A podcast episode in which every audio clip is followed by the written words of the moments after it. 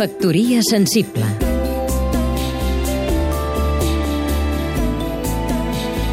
Oleguer Sarsenedes, periodista Ara que parlem tant d'economia. L'economia es troba a les portes d'una revolució. Una revolució provocada per la neurociència, és a dir, la ciència que estudia com funciona el cervell. Per què? Doncs perquè la neurociència està començant a canviar la manera d'entendre com la gent pren decisions. I això, inevitablement, canviarà la manera d'entendre com funciona l'economia. Ens trobem a les portes de la neuroeconomia. El llibre de Paul Glimcher, Fonaments d'anàlisi neuroeconòmica, és la pedra fundacional. Els neurocientífics estudien, per exemple, la manera com el cervell afronta situacions ambigües quan es desconeixen les probabilitats i no es disposa d'altra informació rellevant. S'ha descobert que les zones del cervell que actuen davant dels problemes quan les probabilitats són clares no són les mateixes que fem servir quan no ho són.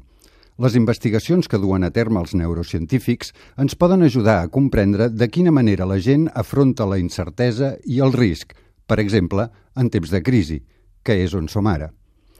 Bo és recordar que un dels pares de l'economia moderna, John Maynard Keynes, l'anticrist dels qui professen la fe de la senyora Merkel, pensava que moltes decisions econòmiques es prenen, de fet, en situacions ambigües – també pensava que els cicles d'activitat econòmica responen en bona part a fluctuacions d'alguna cosa en la ment de les persones que els economistes no acaben d'entendre.